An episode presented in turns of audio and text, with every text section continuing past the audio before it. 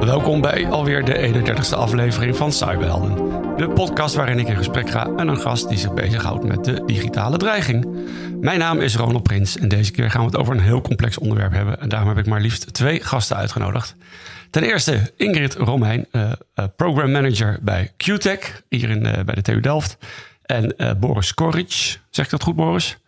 Yes. Ja, ook een gepromoveerd natuurkundige, maar nu werkzaam als universitair host, hoofddocent in de security groep van de TU Eindhoven. En beide zitten jullie in de Quantum Delta, want iedereen die iets met quantum doet in Nederland is verenigd tegenwoordig, geloof ik. Hè? Klopt. Nou, fijn dat jullie er zijn. Ik heb uh, Ingrid hier in de studio en Boris uh, ietsje verder weg over een kwantumlijntje in, uh, in Eindhoven. En waar gaan we het over hebben? Ja, ik heb het al een beetje weggegeven. Quantum computing. En um, ja, en vooral quantum computing dan in de setting wat het betekent voor onze veiligheid, of misschien zelfs voor onze nationale veiligheid. Het is een thema waar ik me zelf al een tijdje druk over maak. En het lukt me maar niet om de goede antwoorden te krijgen van zijn we nou goed voorbereid en uh, zit hier een risico in of niet. En uh, ja, mijn, mijn angst zit erin uiteindelijk dat een, uh, een land stiekem al een keer een, of een quantumcomputer in de kelder heeft staan. En daarmee al onze beveiliging in één keer kan kraken. Nou, laten we dat samen proberen uit te zoeken. En misschien is het wel goed, en dat is dan voor jou even Ingrid. Uh, uh, ik heb echt hele intelligente luisteraars, maar toch zal niet iedereen gelijk weten wat een quantumcomputer is. Misschien wil jij dat introduceren. Ja, dat is goed. Uh, dankjewel en leuk om hier te zijn. Um, even terug naar de basis. Quantumtheorie, kwantumfysica beschrijft de wereld van het allerkleinste. Dus beschrijft hoe elektronen en fotonen, lichtdeeltjes, zich gedragen. En op dat niveau van het allerkleinste hebben we het echt sub-nanometer schaal. Daar zijn andere wetten. Daar gedragen deeltjes zich anders dan in de normale wereld, in de klassieke wereld waarin wij leven. Ja. Um, en dat uit zich in twee eigenschappen. Die zal ik even kort toelichten, want die zijn heel belangrijk voor de quantumcomputer en voor kwantumnetwerken. De eerste is uh, superpositie. Dus op dat allerkleinste niveau, daarin hebben deeltjes niet altijd één uh, positie of één energie. Ze kunnen soms op twee niveaus tegelijk zijn.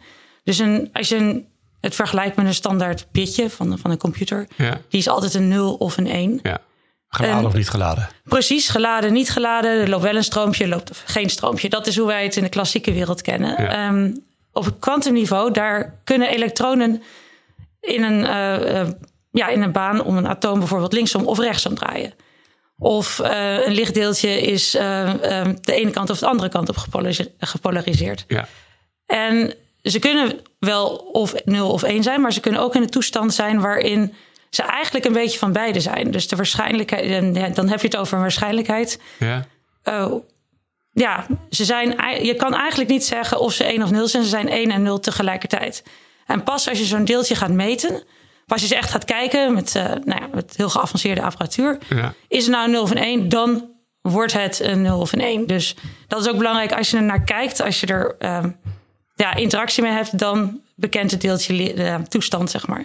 Ja, en, en dat is dus ook, ook een eigenschap waardoor afluisteren eigenlijk niet kan. Hè? Want, um, want dan zit je er naar te kijken en dan uh, zit je eigenlijk het signaal aan te passen. Klopt, dat is, uh, ja, dat, dat is als je een, een lichtdeeltje zou, kunnen, zou gebruiken voor het versturen van een boodschap. En dat is dan de simpelste vorm van, van quantum key distributie. Ja. Je verstuurt een, een deeltje in superpositie als iemand dat afluistert, ja, dan verandert die toestand. Dan, dan is het niet meer in de kwantumtoestand. En, en, maar het beeld, eh, het is dus, uh, ja, het, het, zijn bitjes, maar dan veel complexer die op ja. allerlei uh, toestanden kunnen staan.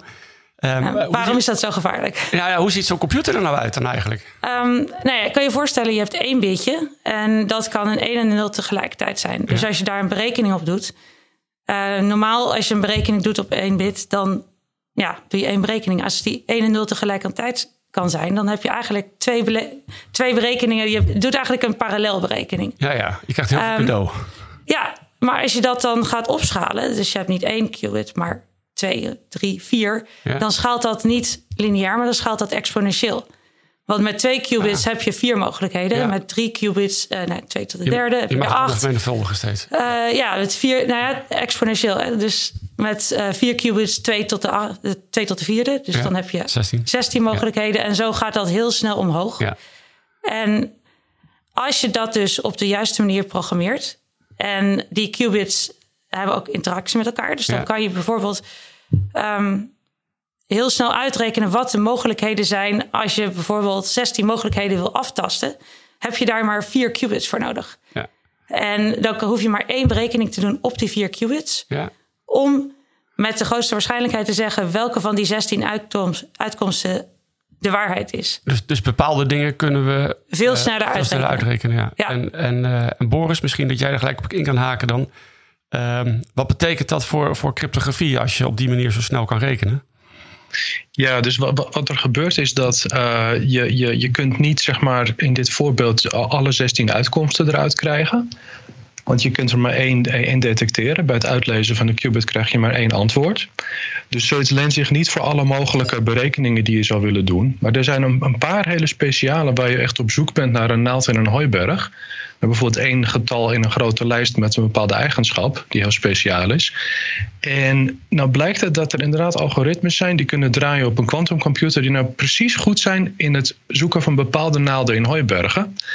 En nou, nou, blijkt het dat, bepaalde, dat dat nou precies heel gevaarlijk is voor, voor heel veel van de cryptografie die we op het moment op het internet gebruiken. Oké, nou ja, vertel eens wat meer over, want dat, dat zit dan meer in de hoek van de public key cryptografie, denk ik, hè? Ja, dat, dat, heet dan de asymmetrische of publieke cryptografie. En een deel daarvan is bijvoorbeeld gebaseerd op het feit dat het moeilijk is om grote getallen te factoriseren.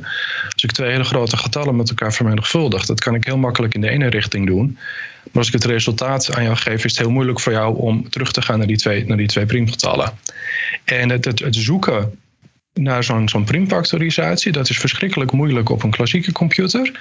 Maar het is al uh, een hele tijd bekend dat als je een quantumcomputer kan bouwen, dat het plotseling heel erg efficiënt kan. Ja. En, en heb jij al zo'n computer bij jou uh, in Delft staan, uh, Inge? Ingrid? Um, er staan meerdere quantumcomputers in Delft, klopt. Maar niet met zoveel qubits. en ze zijn ook nog niet zo goed en zo stabiel dat ze als, als, ik, als, ik, nu even 3 en 5 vermenigvuldig, dat is 15. Nou, dat, dat is gedaan. heb jij een ehm, computer die dat kan factoriseren? Ik niet persoonlijk, maar bij QTech uh, is dat inderdaad gedaan. Door, ja. Uh, en, en, maar wat is het grootste getal wat jullie nu aankunnen? Poeh. Um, nou, welke orde? Ik, de, nou ja, de, de, misschien even uitleggen. Bij QTech gaat het niet om zoveel mogelijk qubits maken. Nee. Dus uh, wij hebben systemen, daar zitten we tot de 40, 50 qubits. Oké. Um, maar er zijn uh, grote industriële partijen die al computers maken met veel meer qubits. Ja. En die zijn echt, nou ja, op, uh, op, op uh, die gaan zo snel mogelijk naar zoveel mogelijk qubits. Ja, maar, maar, zijn, maar zijn er nu al quantumcomputers die iets kunnen doen met een RSA 1024 of een RSA 2048? Nee. Komt er nog niet eens in de buurt? Nee, ik, um, daar zijn ze nog niet goed genoeg voor. Dat, nee. um, de prognoses zijn dat dat nog zo'n vijf tot tien jaar duurt. Maar um, nou, daar kan Boris natuurlijk ook wat meer over vertellen. Ja. Dat, uh, ja, er zijn geheimen die misschien langer dan die vijf tot tien jaar bewaard ja. moeten worden. Ja, Boris, geloof dus, jij dat ook? Jij bent natuurlijk ook gewoon uh, een kwantumspecialist. Uh, want er, er zit ja. maar heel veel verschil in. Van, hoe snel hebben we nou zo'n quantumcomputer die echt serieus een interessante berekening kan doen? Ja, het is heel moeilijk om te zeggen. Want je kunt natuurlijk niet voorspellen hoe snel technologie zich ontwikkelt. Maar wat wel zo is, is dat grote bedrijven, heb ik gezien, die hanteren gewoon een bepaald jaartal van 2030. Zo mhm. van ga er maar van uit om veilig te zijn dat, dat er in 2030 quantumcomputers zijn die helemaal uh, errorcorrectie hebben en die met grote, grote getallen kunnen werken. Oké. Dus dat, dat is een soort van. Uh, ja, houtje touwtje getal wat gewoon, gewoon, gewoon gehanteerd wordt. Ja, en, en kan je ook, ja, het is ook een beetje speculeren, maar wat, wat, wat zijn nou de implicaties dan? Hè? Als we nu niks doen, wat, wat, uh, wat kan er allemaal gebeuren dan als we van die quantumcomputers hebben? Ja, dus er zijn eigenlijk, eigenlijk drie, drie dingen die met encryptie te maken hebben, die, die gaan gebeuren. Het minst ernstige is dat zeg maar de, de symmetrische encryptie. Dus waarbij gewoon, uh, je hebt een LS en Bob en die sturen geëncrypte gegevens uit en die hebben allebei dezelfde sleutel. Um, die kun je een klein beetje beter aanvallen met een quantumcomputer. Daar is iets dat heet het, uh, het Grover-algoritme. Maar dat is niet zo erg. Dat is, dat is het enige wat je hoeft te doen. Dus je moet je sleutels verdubbelen, de lengte van je sleutels verdubbelen. En dan ben je, ben je daar weer tegen bestand. Ja, jij, jij zegt dus dat, dat, dat, is niet zo erg. Dat kost heel veel tijd, toch? Dat is voor, voor de academici is dat gewoon heel simpel op papier. Nou ja, dan uh, maak je gewoon twee keer zo lang een sleutel klaar. Maar het moet er wel even allemaal geprogrammeerd worden en in chipjes ook allemaal terechtkomen. Hè? Ja, ja oké. De, de, de standaard grap is daar ook van waarom hebben cryptografen van die dikke deuren? Juist hun sleutels zijn nu dubbel zo groot als zo lang geworden. en, nee, maar inderdaad, maar dat, dat is, maar dat is het, vergeleken met het andere probleem, met de rest van de problematiek, is dit echt nog vreselijk simpel. Ja. Wat we ook heel veel doen op het internet is asymmetrische cryptografie. Dat komt in twee soorten. Je hebt de, de, digitale handtekeningen, die je gebruikt om te zien bijvoorbeeld of een website de juiste website is, of dat een afzender van data inderdaad de juiste afzender is. Mhm. En je hebt het, het uitwisselen van sleutels. Je hebt de protocollen, dat heet dan Diffie-Hellman, waarbij er sleutels gemaakt worden waarmee je dan bulkdata gaat encrypten op een symmetrische manier. Maar het is een asymmetrisch proces. Ja. En dat kan ook heel efficiënt aangevallen worden met een quantumcomputer. Dus wat, wat krijg je dan? Dat iemand die jou aanvalt met een quantumcomputer, die kan dus aan de ene kant kan die, uh, mensen gaan doen alsof hij iemand anders is. Dus dan ze zeggen dat hij, uh, dat hij Jantje is, maar feitelijk is hij Pietje. En dan kan hij ja, van alles uh, van jou afluisteren, omdat je het hem gewoon vertelt.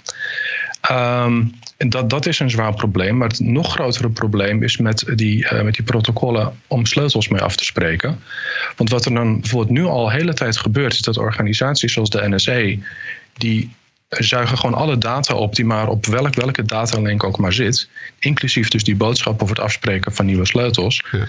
Plus alle geëncrypte boodschappen. En in de toekomst met de quantumcomputer kraak je dat allemaal. En kan je van alle, alle tientallen jaren daarvoor keer alles gaan decrypten. Alles, alles wat daar uh, over die lijn uh, bewogen is. Ja, dus, dus met terugwerkende kracht kan, kan, gewoon verschrikkelijk veel wat nu, waarvan mensen nu denken van oh dat is veilig, dat kan met terugwerkende kracht allemaal uh, ontsleuteld worden.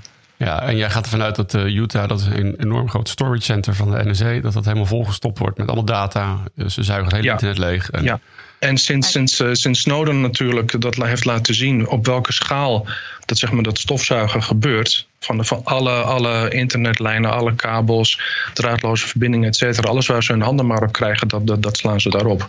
Ja, gebruiken jullie nu zelf cryptografie om uh, berichten geheim te houden? Jazeker. Ja. En, en hou er nu ook rekening mee dan dat die berichten straks gelezen worden? Ja, je moet, je moet er sowieso altijd horen. Ik, ik, denk dat, dat grote bedrijven dat ook wel beseffen. Dat je niet te veel moet vertrouwen op cryptografie. Er kan van alles misgaan. Ook, ook zonder dat er quantumcomputers komen, kan er van alles misgaan. Er kunnen gewoon sleutels lekken door inbraken en dat soort zaken. Dus je moet, je moet sowieso al niet, niet je, je, je hele hebben en houden gaan toevertrouwen en, en, en alles vertrouwen aan cryptografie. Ja, nou, ik vond het interessant wat, veel, wat, ja. wat, je net zei van uh, um, die asymmetrische algoritmes, die zie je terug op twee plekken. Dat is voor de ene kant om dingen geheim te houden, dus de, de, geheime communicatie. En dat zie je meer als risico dan dat je, dat zijn allemaal historische dingen, dan dat je met de authenticatie wat kan uitspoken. Terwijl ik denk van, nou ja, authenticatie. Um, we hebben nogal voor onze veiligheid hangen er allemaal satellieten rond. We hebben uh, kernraketten staan en alles. En die moeten ook bediend kunnen worden op afstand. Ik neem aan dat daar ook gewoon crypto bij gebruikt wordt om die dingen te kunnen lanceren. Zouden daar ook uh, dat is misschien wel een heel extreem voorbeeld. En in het hele spectrum zitten ook nog een paar dingen die essentieel zijn, die eronder zitten, die ook afhankelijk zijn van uh, ja, public key authenticatie.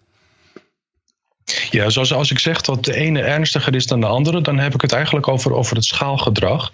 Dus als iemand een quantumcomputer heeft en hij wil uh, authenticatie gaan breken, dan kan hij gewoon een, een bepaald aantal authenticaties per minuut, zeg maar, kan hij aan, kan hij breken. Mhm. En dat is op een gegeven moment is dat voorbij. Je, je hebt een bepaald time window waarin je een authenticatie moet breken. En, en daarna, daarna is je tijd op. Terwijl als je met terugwerkende kracht uh, encrypties wilt breken, dan kun je gewoon rustig je tijd voor nemen. Ja. Daar, daar zit die tijdslimiet niet op. Dus dat, is, dat is de reden waarom ik zeg van het, het ene probleem is, is zwaarder dan het andere. Maar als het gaat dus om, om, om, om targets met enorm hoge waarden, ja, die, die, die gaan dus, dat zijn dus degenen die prioriteit krijgen en zullen worden aangevallen als het om handtekeningen gaat. Ja. Um, ja, Ingrid, we hadden het er net over. Van, uh, ik vroeg, hebben jullie zo'n grote quantumcomputer staan bij jullie daar in, in Delft? Jij zegt van, uh, nee, want wij doen eigenlijk wat anders met quantum. Nou, we, wat we bij QTech doen is we ontwikkelen de bouwstenen van quantumcomputers en quantuminternet. Ja. Dus we doen onderzoek naar nou ja, wat er allemaal nodig is om een quantumcomputer te bouwen. En natuurlijk is de chip, de qubits, een heel belangrijk onderdeel daarvan. Ja.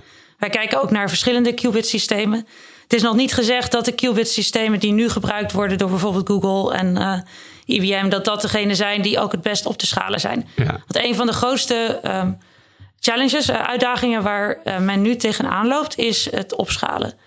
Dus nu dus- zijn dus er veel qubits naast elkaar. Veel qubits naast elkaar, die ja. uh, niet alleen veel, maar ook um, langer stabiel blijven. Ja. Want um, hoeveel, wordt, hoeveel, qubits hebben we nodig om RSA 2040 uh, te, 48 te krijgen? Uh, 2048, denk ik. Ja, um, maar dan fault tolerant. Kijk, wat je, wat je moet doen is dat het systeem stabiel blijft. Wat ik net vertelde, als je meet, als je een, een qubit meet, dan is het eigenlijk geen qubit meer. Dan vervalt hij in de 1 of de 0. Ja.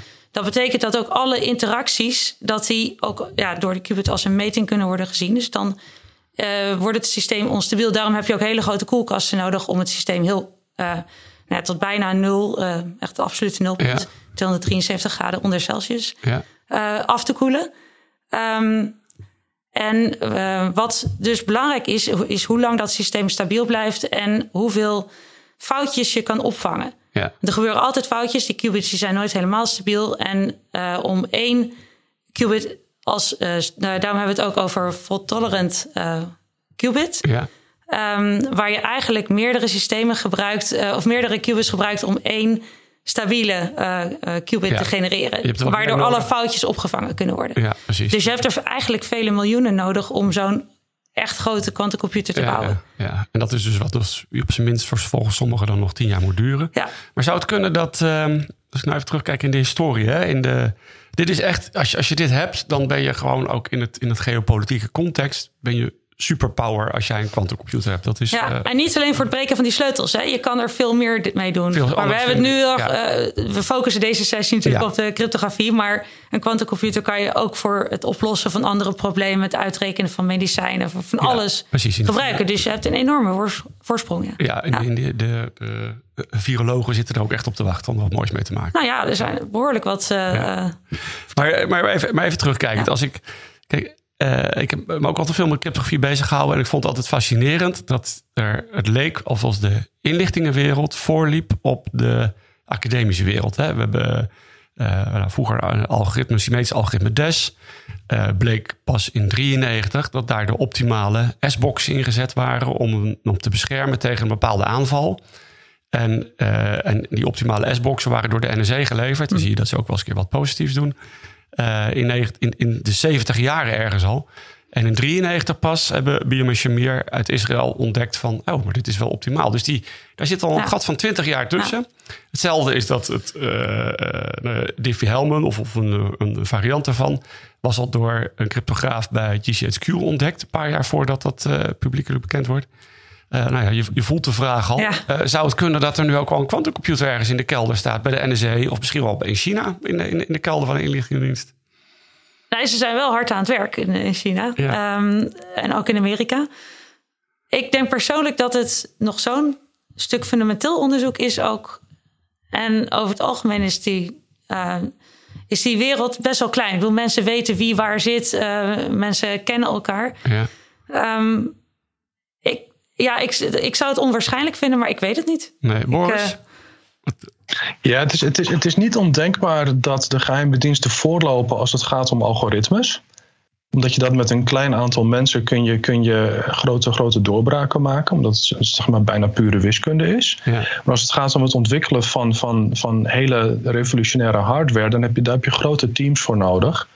Ja, en dan, dan terugkijkend in de historie denk je van ja, zo'n soort van Manhattan-project, zeg maar, zou je daarvoor nodig hebben. Dus als je de, de eerste heel erg snel. Dat, hè, tijdens de Tweede Wereldoorlog. Ja, precies. Ja. Dus als je heel erg snel uh, uh, hele nieuwe technologie wilt ontwikkelen, dan heb je zeg maar een, toch wel een heel groot project nodig.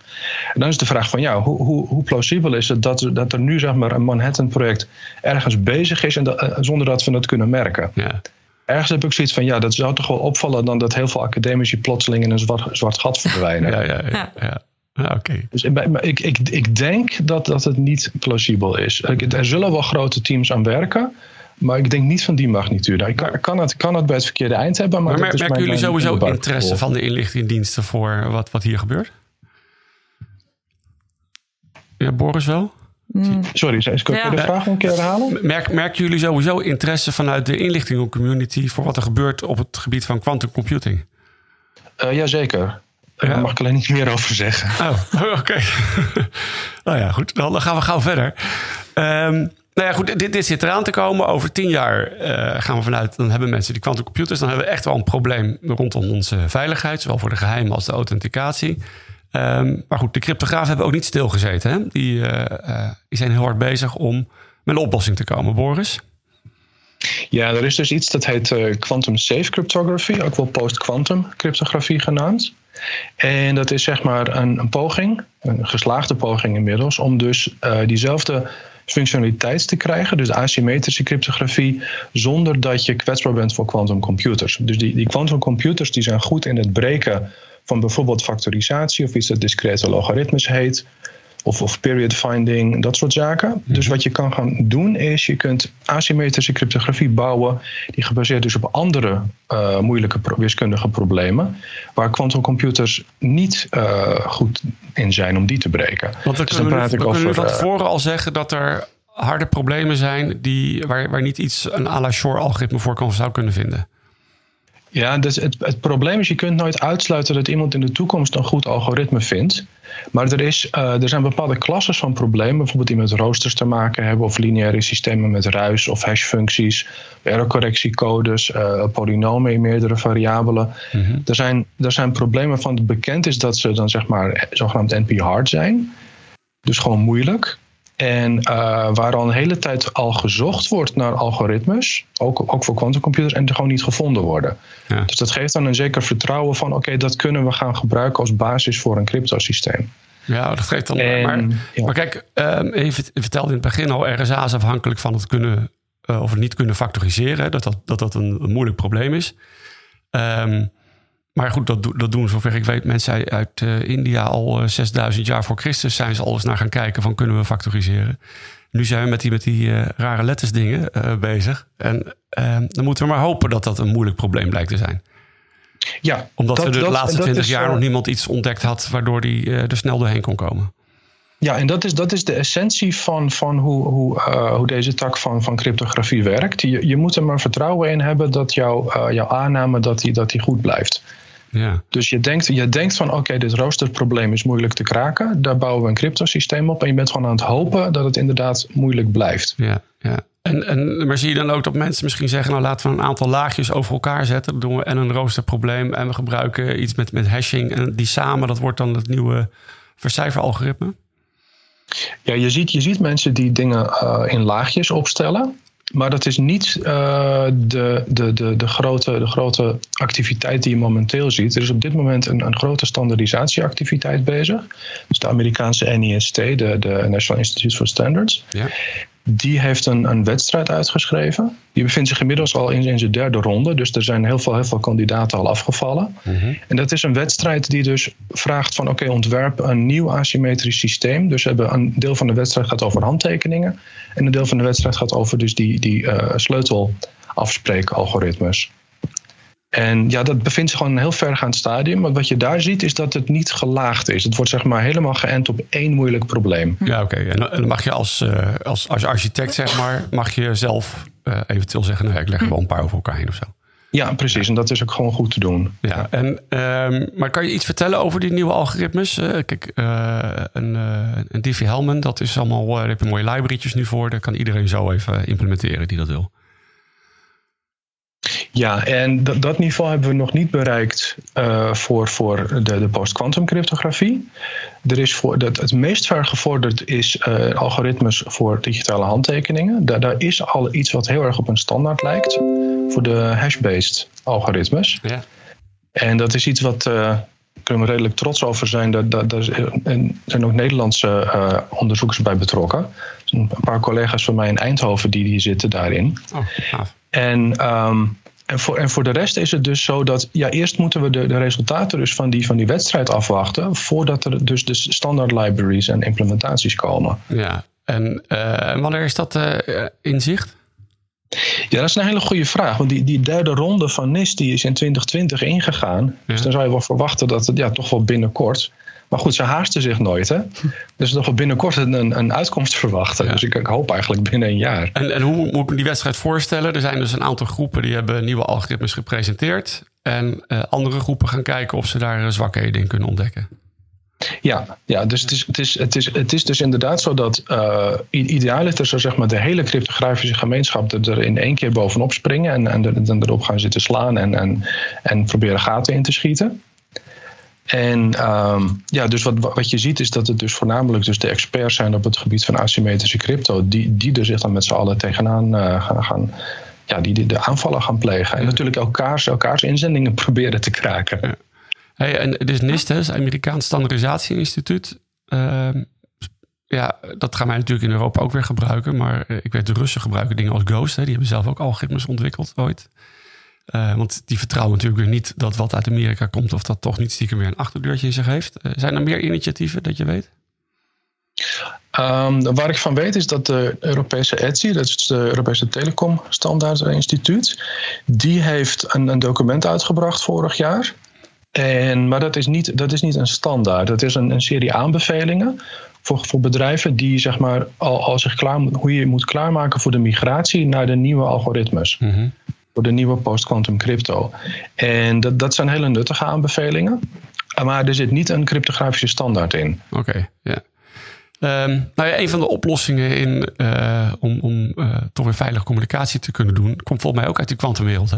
Ja, klopt. Ja. Uh, je kan het quantum, het gedrag van uh, qubits kan je ook gebruiken om uh, nou ja, een volledige veilige, nou, ik zal niet zeggen volledig veilig, maar om een stapje uh, dichter richting een veilige communicatie te gaan. Maar waarom niet volledig veilig? Want dat wordt voor mij juist altijd wel zo gepresenteerd. Nou, wat wij zeggen is, uh, ik zal even uitleggen wat het precies is. wat je doet, is je gebruikt de eigenschappen van die qubits. Dus dat ze in superpositie zitten, maar ook dat ze verstrengeld kunnen zijn met elkaar. Uh, die gebruik je om kwantumsleutels uh, te genereren. Ja, dat verstrengen moet je even uitleggen, denk ik. Um, ja, ik heb uitgelegd dat uh, qubits tegelijkertijd een 1 en een 0 kunnen zijn. Um, als je twee qubits bij elkaar zet, kunnen ze die eigenschappen delen. Dus dan zijn ze eigenlijk samen een 1 en een 0. Dus, Terwijl ze op afstand zitten? Um, in eerste instantie, uh, om verstrengeling te genereren, zul je toch contact moeten hebben met. Ja. Uh, zullen ze of uh, interactie via fotonen of gebruik je één systeem en uh, verplaats je het daarna. Dus je hebt twee, uh, twee qubits ja. Die verstrengeld zijn, die je daarna op een andere plek kan brengen. En, um, en nou, wat, je, wat er dan dus gebeurt, is dat die, die twee qubits die delen de eigenschappen met elkaar. Ja. En nou ja, als je dan de een of de ander probeert te meten, dan merk je dat aan de andere kant. Ja, en daarmee en, kan je dus aan twee partijen die een sleutel willen uitwisselen, die hebben samen wel iets wat zij weten. Ja, uh, waar je gebruik van maakt is de eigenschap dat um, als een deeltje in superpositie is um, en verstrengen, het kan dus uh, op zich in superpositie zijn en dat je het dan verstuurt naar een ander. Dat is de simpelste vorm van, uh, van QKD. Ja. wat verder geavanceerde vormen dan verstuur je alle twee een deeltje die daarna gemeten worden en daardoor in verstrengeling met elkaar zijn. Dus ja. daardoor eigenlijk aan elkaar gecorreleerd zijn. Maar, maar, maar dan zijn ze gecorreleerd aan elkaar terwijl ze op fysiek grote afstand klopt, van elkaar zitten. Klopt. Dat is echt ja. iets magisch, toch? Jij, dat is ook, ja. Jij, jij zegt ik zeg het, uh, klopt. Ja, dat is echt een van de uh, eigenschappen die volgden uit de kwantumtheorie. Ja. En die ook jarenlang um, nou, met argusogen bekeken werd door de wetenschappers. Want dat is echt iets heel erg raars. Ja, dat is gewoon dat totaal wat we nooit klopt. hadden kunnen voorzien dat, we, dat het zo werkelijk is. Nee, en, klopt. Ja. Um, en nou, het heel simpel, om het heel simpel te maken, uiteindelijk heb je dus uh, aan twee zijden, daar kan uh, 50 kilometer tussen zitten. Ja. Heb je alle twee een qubit die aan elkaar verstrengeld zijn. Dus je kan, dus hebben dus, dus als je iets gaat meten, komt er hetzelfde uit. Maar als iemand dat tussendoor ook zou meten. Dan verandert hij de toestand ja. en dan is dat detecteerbaar. En dus daarmee je, heb je dan toch perfecte manier om uh, bitjes uit te wisselen met ja, elkaar? Ja, in feite wel. Je hebt de perfecte manier om een sleutel te genereren. Wat je daarna daar vervolgens mee doet, is natuurlijk de volgende ja, dag daar, daarbovenop. Maar ja. Maar, maar, goed, en uh, sleutels genereren. Daarna kunnen we dan weer gewoon verder gaan met onze symmetrische algoritmes. Ja. En uh, waarom is dit nou niet de oplossing die we allemaal gaan gebruiken? Um, op dit moment is het nog beperkt, omdat je de qubits zijn uh, fragiel. En je kan ze nog niet zo, uh, zo ver versturen door een glasfiber. wat op dit moment gebruikt wordt, zijn fotonen. Ja. En die kan je oftewel door de lucht heen schieten of door een glasfiber. En die afstand is beperkt. En kan je met de fotonen dat, datzelfde verstrengelde hebben? Ja, de fotonen zijn kwantumdeeltjes. Ja, oké. Okay. En ik had het net over quantumcomputers. Daar worden over het algemeen. Uh, nou, er zijn ook heel veel verschillende typen quantumcomputers. Maar bijvoorbeeld elektronen, op de, de manier waarop die op een atoom bewegen. Ja. Maar dat is een uh, vaste stof uh, qubit systeem. Ja. Fotonen, nou, dat zijn eigenlijk vliegende qubits, zoals wij ze noemen. Ja, ja, oké. Die nou ja, gaan van A naar B. Ja. Maar het zijn ook kwantumdeeltjes en ze gedragen zich als kwantumdeeltjes. En die kunnen gewoon door een glasvezelkabel. Ja, ja, dus ze kunnen gewoon de standaard glasvezels gebruiken. Alleen het is wel één foton waar je het over hebt. Dus Nou ja, als die is uitgedoofd, eh, of als die ergens tegenaan botst, eh, dan verlies je hem. Dus op dit moment als is het alleen maar voor sleuteluitwisseling is, dan heb je ook niet heel veel nodig, toch? Klopt, klopt. Ja. Hé, maar Boris, dan kunnen die cryptografen in jouw groep wel naar huis als dit eh, allemaal mooi gaat werken straks. Ja, zo, zo eenvoudig is het niet. Het is, eh, het, het is een hele hoop moeite die je moet doen. Zeg maar, met, met allemaal detectoren en, en single photon generatoren of, of, of uh, zwakke pulsgeneratoren, et cetera. Terwijl je um, dus ook iets anders kan doen. Je kunt ook gewoon zeggen van we blijven klassieke middelen gebruiken en doen gewoon die, die post-quantum cryptografie om sleutels uit te wisselen. Daar, daar bereik je feitelijk hetzelfde mee. Ja. Alleen het, het niveau van security is anders. En, en de hoeveelheid moeite die je technologisch moet doen is anders. Ja. ja.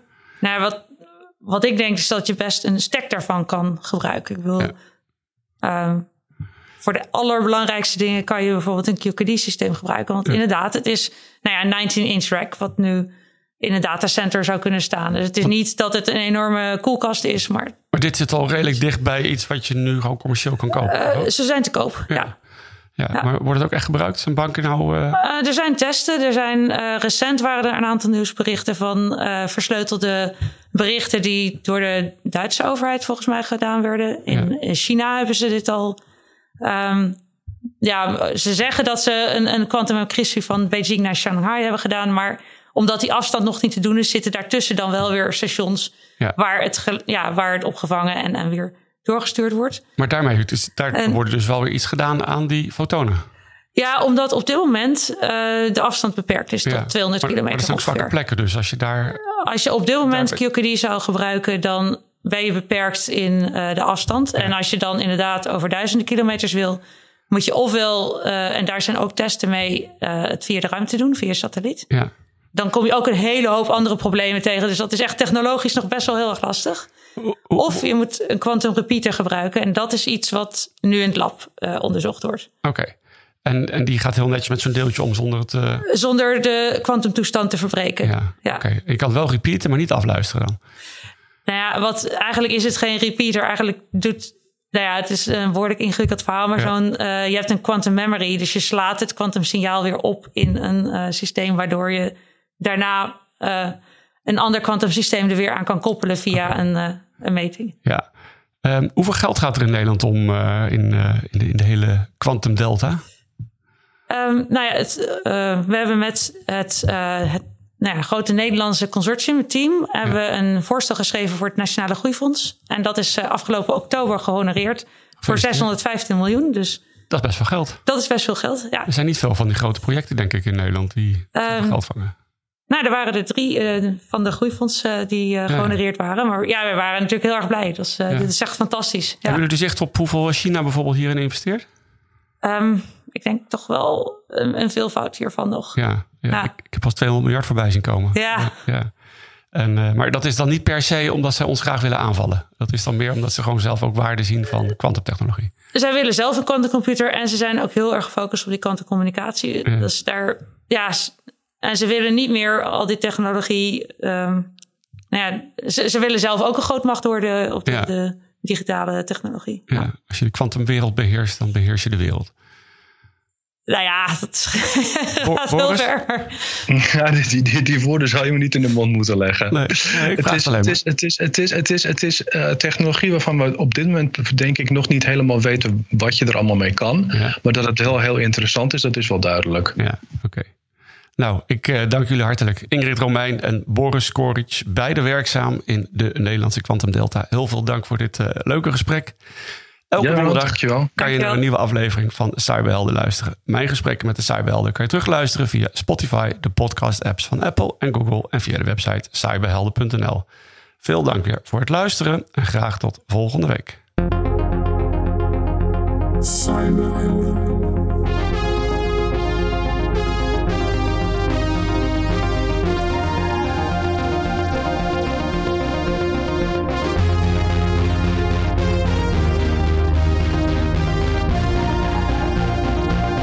someone